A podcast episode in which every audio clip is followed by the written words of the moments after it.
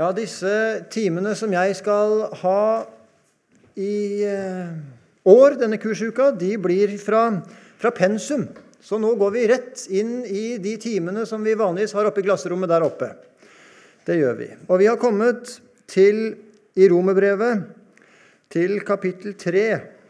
Og så er vi Vi har akkurat hatt om vers 19 og 20, men vi skal stanse litt igjen ved disse versene. Det skal vi gjøre.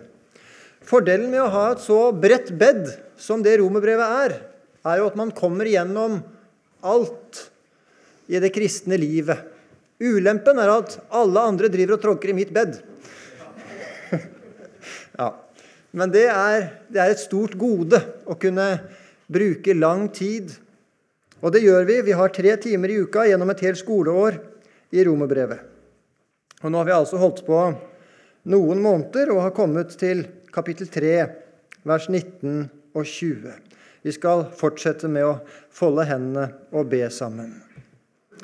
Kjære Herre Jesus, nå ber vi stans oss opp og ta det av oss, du Jesus, sånn som du har lova. Og du ser, som vi har hørt i timene foran, vi, vi er i den største nød og i den største hjelpeløshet i oss. Men du har alt vi trenger, og du vil gjerne gi oss det. Vi ber for timene, Jesus. Stell med oss, du. Amen. Vanligvis når vi er i klasserommet, så leser vi sammen det kapitlet som vi er. Da leser elevene fem vers hver, og så leser vi gjennom hele kapitlet hver time, eller hver dag. Og Det betyr det at elevene nå de har lest gjennom kapittel 3 i Romerbrevet ganske mange ganger. Og Før det så har de lest kapittel 2 ganske mange ganger, og kapittel 1 enda flere ganger. Og det gjør vi fordi Guds ord, det er åpenbaringsord. Det er ord som vi trenger å få åpenbart. Det er for oss mennesker fremmed kunnskap. Det er altså akkurat som maten vi spiser noe vi trenger tilført hver dag, hele tiden. Fordi ellers så er det oss fremmed. Ja, sjøl når vi får det åpenbart gjennom ordet, så er det også fremmed for oss. Det strider med vår gamle natur. Så det er ikke bare en hemmelighet på den måten at vi ikke forstår det, men når vi hører det, så forstår vi det, så er vi enige med det. Og da vil vi gjerne gjøre det som ordet sier. Sånn er det jo med en del menneskelige ting. Matematikk det kan være en hemmelighet. Og så, og så, får jeg det forklart, og så begynner jeg å regne på det, og så begynner jeg å forstå det. Helt til jeg kommer til en prøve. Da finner jeg kanskje ut at jeg har ikke forstått det likevel. Jeg skjønte det bare så lenge noen forklarte det for meg. Og så, og så kommer man opp igjen, og så, og så, får man lært mer, og så plutselig kan man, kan man det. Så sitter det mennesker her som kan forklare Pythagoras uten å ha hatt det på 50 år. Ja, Fordi man kan det, man forstår det. Sånn er det ikke med Guds ord. Det kan vi ikke. Det er fremmed. Vi lever av det. Det gjør vi. Vi som er kristne, lever av det. Men vi kan det ikke. Men vi får det åpenbart. Akkurat som dette bildet med mat er. Vi trenger det. Vi lever av det. Det er av den største nødvendighet at vi får det. Vi skal ikke lese hele romerbrevet 3 nå, men vi skal lese fra vers 19 og ut kapittelet. Men vi vet at alt det loven sier, det taler en til dem som er under loven, for at hver munn skal lukkes og hele verden blir skyldig for Gud. Derfor blir intet kjød rettferdiggjort for ham ved lovgjerninger, for ved loven kommer erkjennelse av synd. Men nå er Guds rettferdighet, som loven og profetene vitner om, blitt åpenbart uten loven. Det er Guds rettferdighet ved tro på Jesus Kristus, for alle og over alle som tror, for det er ingen forskjell. Alle har syndet og står uten ære for Gud, og de blir rettferdiggjort uforskyldt av Hans nåde ved forløsningen i Kristus Jesus. Ham stilte Gud til skue i hans blod som en nådestol ved troen for å vise sin rettferdighet, fordi han i sin langmodighet hadde båret over med de synder som før var gjort. Ved dette ville Gud vise sin rettferdighet i den tid som nå er, så han kunne være rettferdig og rettferdiggjøre den som har troen på Jesus. Hvor er så vår ros? Den er utelukket. Ved hvilken lov? Gjerningenes lov? Nei, ved troens lov. For vi er overbevist om at mennesket blir rettferdiggjort ved tro uten lovgjerninger. Eller er Gud bare jøders gud? Er han ikke også hedningers? Jo, han er også hedningers gud. Så sant Gud er én, han som rettferdiggjør de omskårne av troen og de uomskårne ved troen. Opphever vi så loven ved troen, langt derifra. Vi stadfester loven. Så hørte vi forrige time Per holde fram hva loven er, og hva loven ikke er. Og vi skal stanse litt ved det samme. Det skal vi gjøre. Ikke fordi Per ikke sa det godt og riktig, det tror jeg vi kan si at det var greit, det han sa, men, men vi kan likevel få lov til å si noe om det. Loven hva er loven? Jo, den er åpenbaringen av Guds hellighet. Åpenbaring, altså noe du og jeg ikke av vår natur kan vite eller forstå om Gud. Det forteller loven oss, det viser loven oss. Det er noe av Guds vesen som det naturlige mennesket ikke kan forstå, verken ut fra sin fornuft eller gjennom erfaring.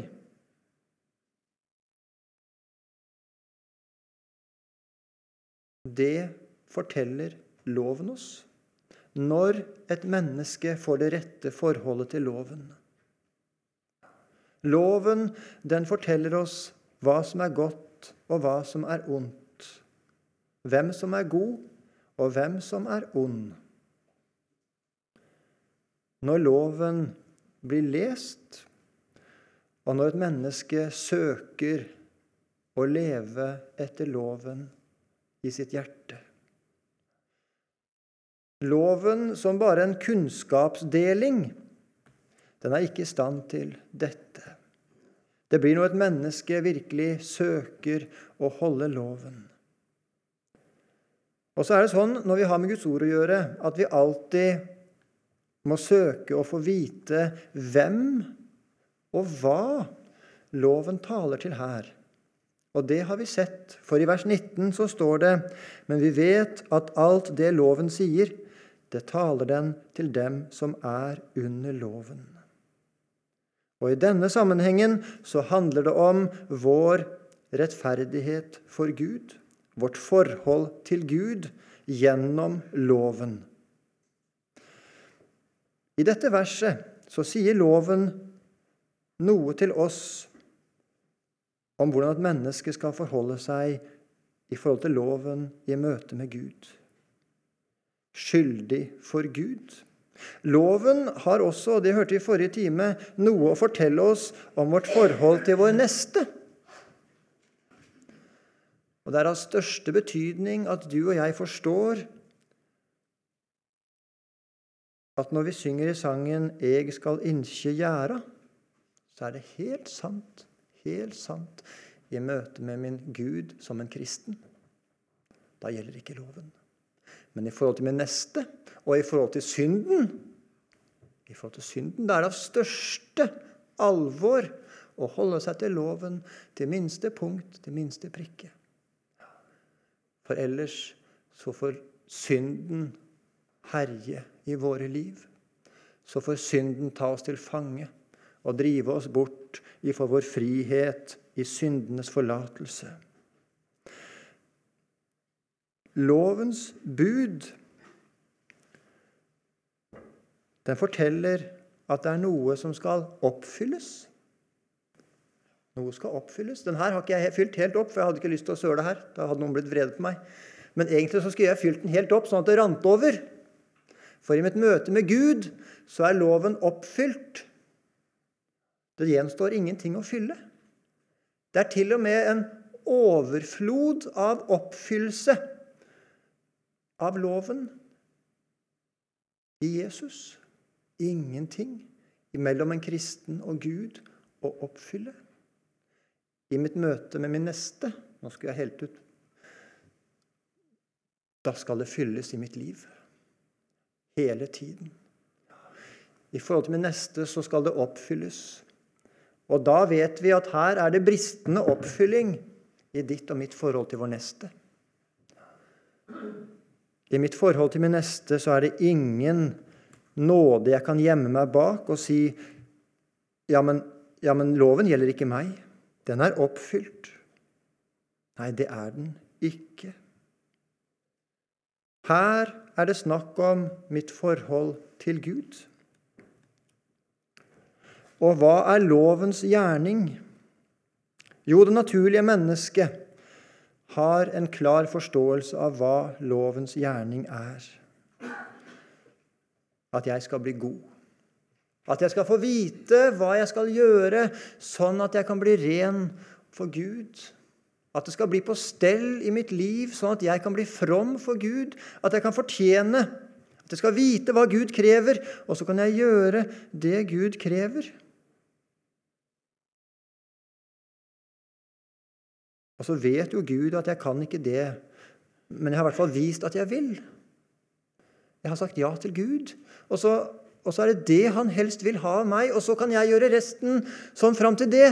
Og så, så får jeg nåde for det som er igjen. Nei, hva, hva er loven?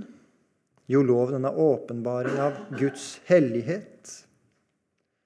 Den avslører oss, og den viser hvordan vi står i vårt forhold til Gud. Og alt som krever hellighet av oss, det er loven. Alt som peker på deg og sier 'sånn skal du være', 'sånn skal du gjøre'. Alle skal i Bibelen av gode ting, alt det gode han krever av deg. Og det kan oppsummeres i to bud. Du skal elske Herren din Gud av hele ditt hjerte og av hele din sjel og av all din forstand. Dette er det største og første bud, men et annet er like stort. Du skal elske din neste som deg selv. Det er loven. Og den, den krever også at du skal ha lyst til det. Du skal ha din glede i det. Dette skal være din lengsel. Her skal du ha din frihet. Friheten din, den skal være at din neste elskes av deg, og at du søker å elske din Gud. Det er budet. Og så er det andre, det er forbudet. Det er hva du skal holde deg vekke fra. Hva du ikke skal gjøre, hva du ikke skal ha lyst til. Hva som ikke skal være din frihet. Hva du skal hate. Du skal ikke du skal ikke, du skal ikke. Du skal ikke bare ikke gjøre, men du skal ikke engang ha lyst til. Du skal ikke begjære. Gud, han forbyr lysten til synd. I denne sammenhengen så sier Rosenius noe. Tenk deg at du får beskjed om å passe på et barn. Og så skal dette barnet det får du beskjed om at du skal passe på at dette barnet ikke stjeler noe ikke tar noe som ikke er hans eller hennes. Da jeg var liten gutt, så hendte det at jeg forsynte meg med andres Lego. Jeg hadde så fin Lego, og så hadde jeg den med meg hjem. Og så var det noen hjemme som, som sjekka lommene mine etter hvert, og så ja, leverte tilbake igjen. Jeg kunne ikke gjøre det, men jeg hadde så lyst på det. Pass på at dette barnet ikke stjeler noe. Og så kommer noen og henter barnet. Og så kan du fortelle det at 'nei, det barnet har ikke stjålet noe'. 'Jeg har sjekket lommene, og det har ikke stjålet noe'. Hvilken attest er dette? Er det dette barnet? Er det en god attest? Nei, stakkars dette barnet, sier du. Men hvorfor det? Det har jo ikke stjålet. Nei, sier du. Men bare det at det måtte voktes, er jo attest nok for dette barnet. Akkurat slik er det også med oss, sier Osenius. Hva annet er loven enn akkurat en slik vokter som ligger over hvert sekund og sier 'du skal ikke stjele', 'du skal ikke dyrke avguder', 'du skal ikke slå i hjel', 'du skal ikke drive hor', 'du skal ikke lyve'? Budet det er et vitnesbyrd om at vi nettopp er tyver, horkarer, mordere, løgnere. For dette budet at du skal ikke stjele, hvisker jo stille i ditt øre. Det er slik en du er, en som må voktes. Men nå må du ikke stjele. Og budet 'du skal ikke tilby andre guder' innebærer jo 'du elsker meg ikke'. Jeg må beordre deg til det. Og slik ligger i hvert bud en anklage. Du må voktes. Det er forbudet. Og dette forteller jo at Gud vet hvordan du er. Han vet hvordan ditt hjerte er. Og han vet at hvis det skal gå deg vel, så må du passes på. Hvis du ikke skal havne på straff, så må du voktes. Men det hjelper jo ingenting på hjertet at du må voktes. Det tredje når det er snakk om loven, det er at Gud han forkynner en straff for den som ikke holder loven. Forbannelse. Dersom du ikke hører på Herren i Guds røst og ikke akter vel på å holde alle Hans bud og Hans lover, som jeg gir deg i dag, da skal alle disse forbannelser komme over deg og nå deg. Forbannet er hver den som ikke holder fast ved alt det som står skrevet i lovens bok, slik at han gjør det. Og i møte med Gud hos en kristen så gjelder ikke denne forbannelsen. Men denne forbannelsen henger likevel fast, som vi hørte om da David i forrige time telte folket. Synden har sin følge i våre liv. Den ødelegger alltid. Din egoisme, den ødelegger alltid. Dine bedrag ødelegger alltid. Din misunnelse, ditt mismot, din egoisme, din rettferdighetstrang, som er på den måten at ingen skal få det som er mitt, for det er mitt, det ødelegger alltid. Den forbannelsen gjelder også i en kristens liv. Synden, den har død i seg. Og synden, den fjerner et menneske fra Gud og det gode. Derfor er synden livsfarlig for en kristen. Synden har død i seg. Det fjerde åpenbaringsuttrykket det er det betingede løftet. Den som gjør det, den skal få velsignelse. Den som gjør det, den skal leve ved det. Det mennesket som gjør disse ting, skal leve ved dem. Det er rettferdigheten ved loven. Det vet vi at det er en som har retten gjennom å ha gjort det er Gud. Det er Jesus. Han gjorde dette som loven krever, og derfor har han rett til å leve. Men så er det også noe i det menneskelige livet, oss mennesker imellom, som er sånn at den som gjør det gode, den skal leve. Den som gjør det gode, behøver ikke, i hvert fall i Norge, å frykte politiet. Den som gjør det gode, behøver ikke å frykte å bli avslørt. Trenger ikke det. Hvem som helst kan spørre hvor du har vært, for du har ikke vært noe sted du ikke skulle være. Hvem som helst kan gå gjennom regnskapet ditt, og så kan de fortelle det at ja, bør ikke være redd for det, du, for her er det på stell. Og det er et, det er et gode, menneskelig sett, å leve godt og rett. Men her er det altså snakk om i åndelig forstand. Loven taler til alle dem som er under loven. Der er loven. Og så er lovens oppgave til den som er under loven, ikke å gjøre from. Men lovens oppgave er at hver munn skal lukkes, og hele verden blir skyldig for Gud. Og Fra Romerbrevet 1,18 og fram til dette verset så har Gud gjennom Paulus vist at ingen hedning er ren for Gud. Det kan man tenke. At den som ikke vet, kan jo ikke gjøre.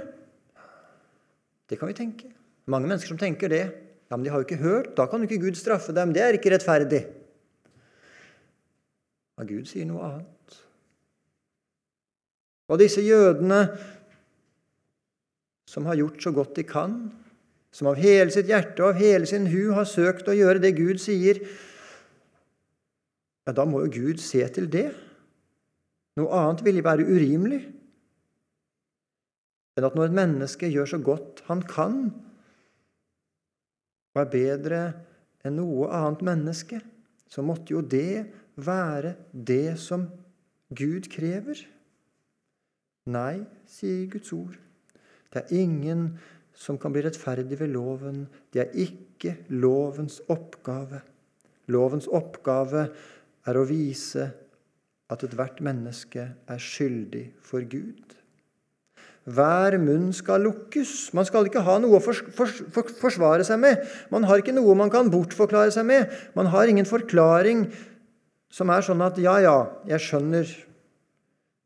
Enhver munn skal lukkes. Derfor blir intet kjød rettferdiggjort for ham ved lovgjerninger. Hva er lovgjerninger? Jo, det er altså noe ved deg som du tenker kan gjøre Gud vennlig stilt.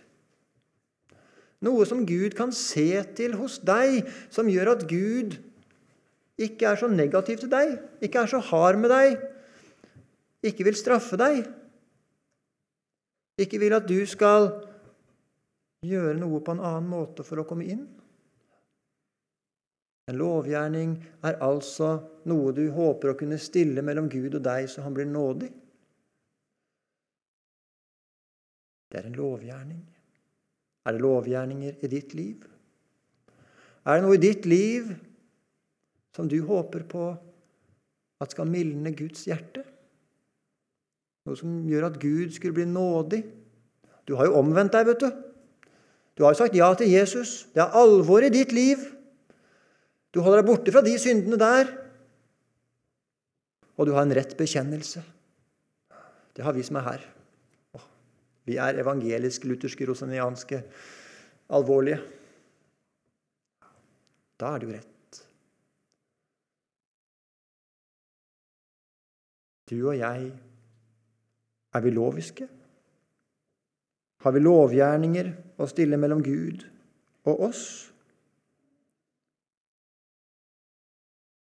Lovgjerninger evner ikke å mildne Guds hjerte.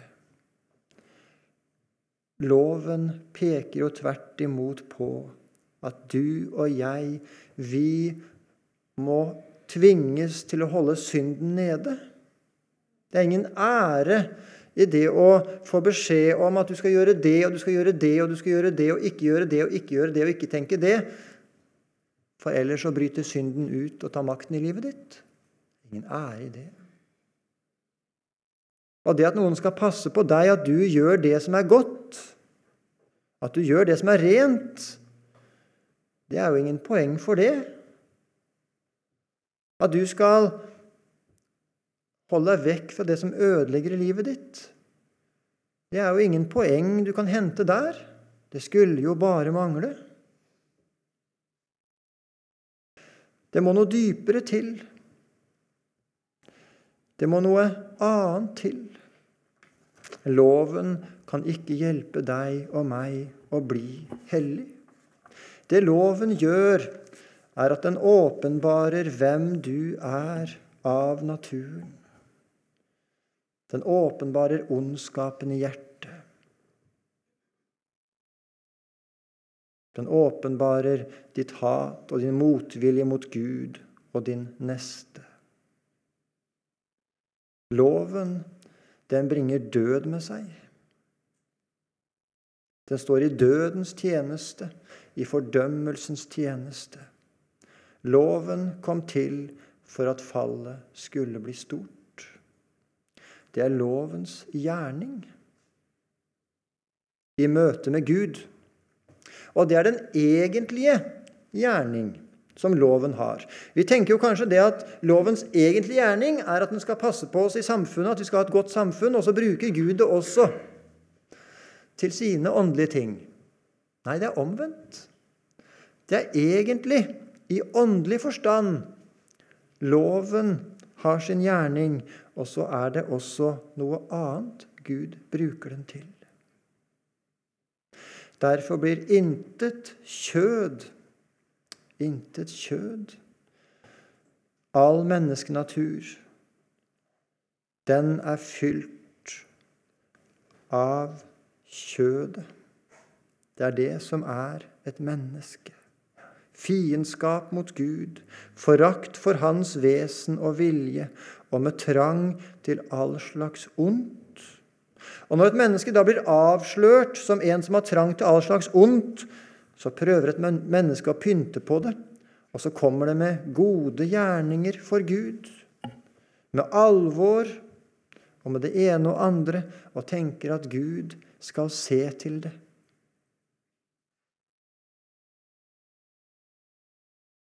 Men Guds lov skal avsløre et menneske. Hvordan kan det både gjelde mellom Gud og meg dette med loven og meg og min neste. Og meg og synden. Å ha hver sin gjerning. Hvert sitt mål. Ja, det får du og jeg som mennesker ikke til å gå opp. Men sånn handler Gud, for nå handler Gud med oss i åndelig forstand. Så det han bruker sånn at du skal ha et godt forhold til det neste, det bruker han på samme måte til å knuse deg og gjøre deg i behov av syndenes forlatelse. For her må du og jeg være klar over at når loven her snakker til kjødet, til det naturlige mennesket, til den som er under loven, så gjelder det de menneskene som er under loven, altså de som ikke er kristne. Men det gjelder også ditt kjød. For ditt kjød er under loven skal være under loven. Der skal loven ha fritt spillerom. Så på den ene side det er ditt liv med Gud, der er det nye livet. Der gjelder ikke loven. Og på den annen side det er ditt kjød. Der gjelder loven som det ikke var noen nåde. Det er underlig. Det er underlig. Erkjennelsen av synd, den kommer ved loven. Så kommer det en erkjennelse av at jeg, jeg kan ikke være en kristen. Jeg har ikke mulighet til å gi Gud det Gud krever. Jeg, det er mitt kjød, har ikke engang lyst til å gi Gud det Gud krever. Og når jeg søker Gud og velger Gud og kjemper mot synden Jo, det er selvfølgelig rett. Men det er også det det er. Det er rett. Det er ingen poeng for å gjøre det som er rett. Det er en selvfølge. Hjemme så er det sånn at det er bare én som bor hjemme nå. Og han har noen plikter. Og blant de pliktene så er det å gå ut med søpla. Det får han ikke betalt for. Den andre plikten er å rydde på rommet sitt. Det får han heller ikke betalt for. Å legge klærne sine på vask får han heller ikke poeng for. Og så er det noen andre ting som han får betalt for å gjøre. Som ikke ligger inn under det som egentlig hører med til å rydde opp etter seg sjøl. Sånn er det egentlig med deg og meg også. Det at vi skulle gjøre det som loven krever, at du og jeg skulle være ærlige Skulle vi ha lønn for det? Skulle vi betales for det? Er ikke det en selvfølge? At vi ikke skulle ta noen, som er noen andre sitt? Skulle det lønnes for det? Nei, sånn driver vi ikke med. Sånn tenker det naturlige mennesket. I meg selv, i meg sjøl, så kan jeg aldri bestå for Gud. Det er ikke stoff i meg til å være en kristen. Når et menneske tenker det og erfarer det og kjenner det, så har loven fått gjøre sin hensikt. Da har loven fått få fram, har fått fram det som loven skulle få fram. Og det er at du ikke kan være rettferdig for Gud i noe du har å bringe. Hvorfor er Gud så hard med oss på denne måten? Hvorfor skal Han drive oss så langt? Hvorfor kan Han ikke være mer vennlig stilt med oss? Hvorfor skal Han være så vanskelig? Jo, det er av nåde. Han er så vanskelig med dette. For hvis Han ikke hadde drevet deg så langt at du hadde kommet dit at du måtte gi opp, hva hadde din kristendom da bestått i? Jo, det hadde bestått i å gjøre å være å streve å gi. Det hadde aldri vært mulig for deg å hvile. Det hadde alltid vært mer og neste å gjøre. Men nå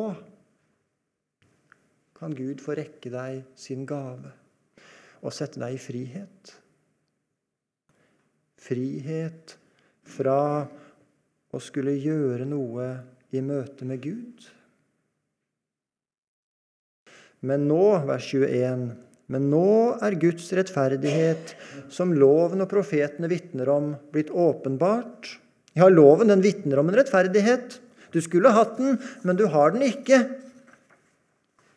Den vitner om at det finnes noe som er sant, det finnes noe som er rett, men du har det ikke. Du er fremmed for det. Du endog hater det. Det vitner Bibelen om. Men denne rettferdigheten som loven og profeten vitner om, har blitt åpenbart et annet sted.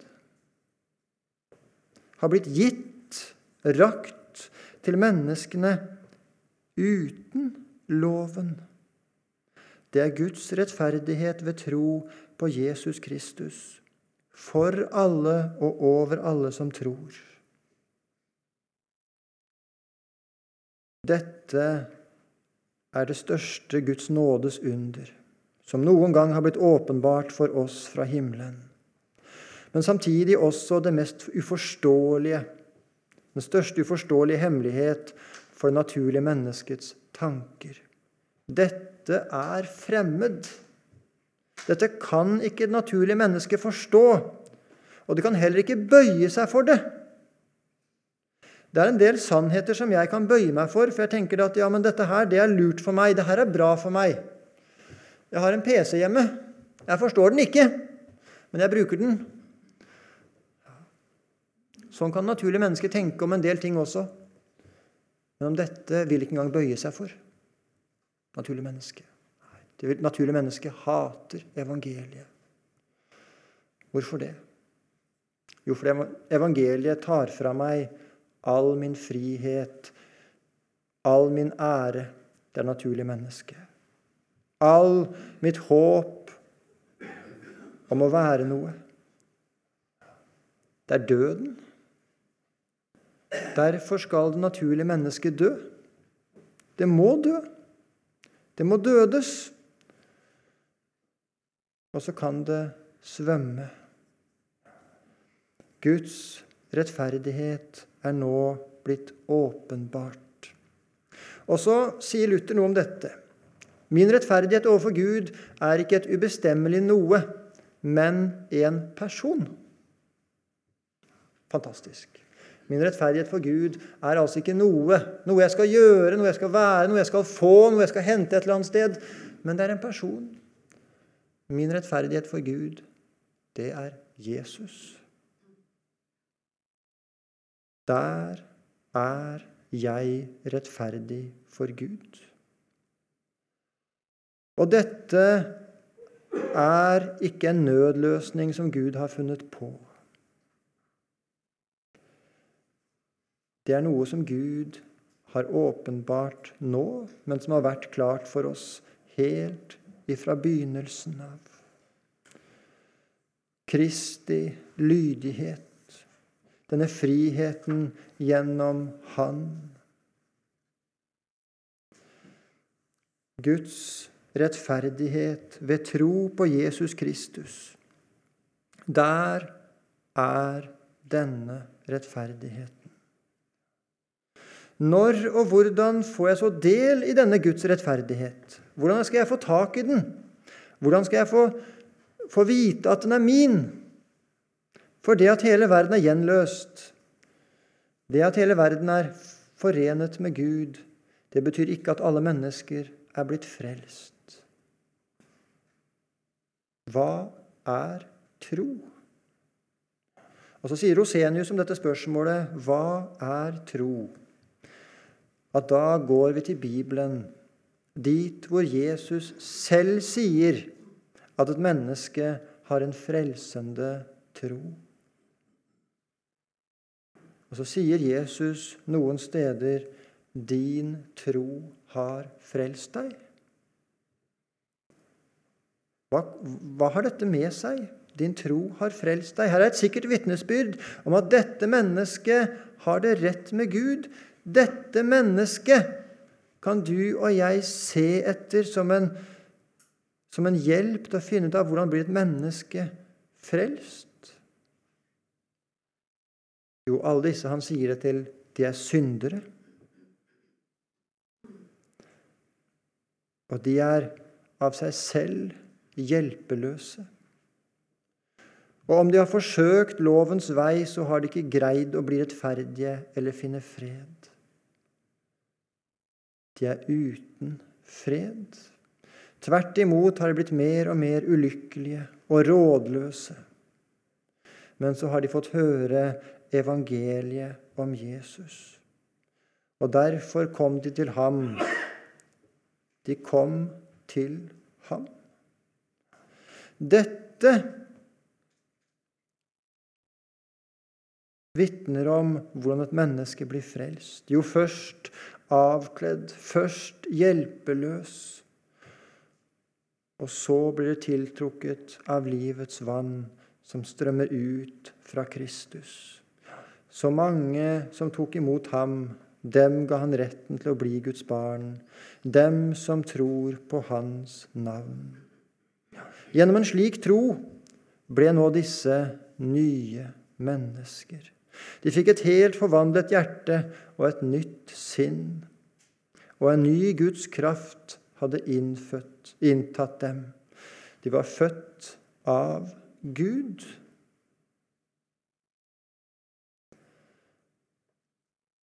Nå er det ikke lenger en kunnskap bare. Nå er det ikke lenger bare det å mene noe rett, tenke noe rett, holde seg til en eller annen rett mening. Men det er noe ganske annet det er å ha tatt sin tilflukt til en annen gjerninger.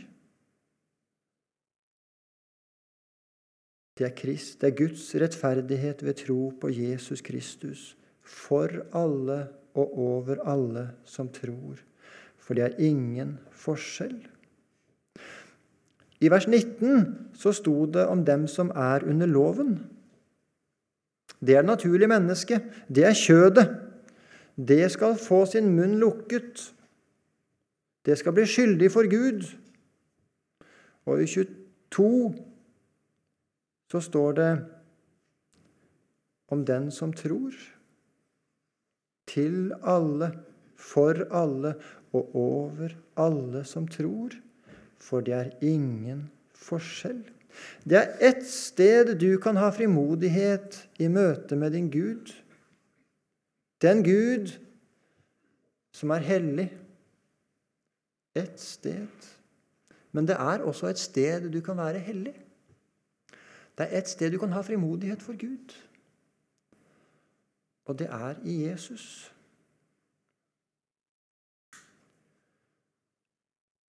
Da avslutter vi der, og så fortsetter vi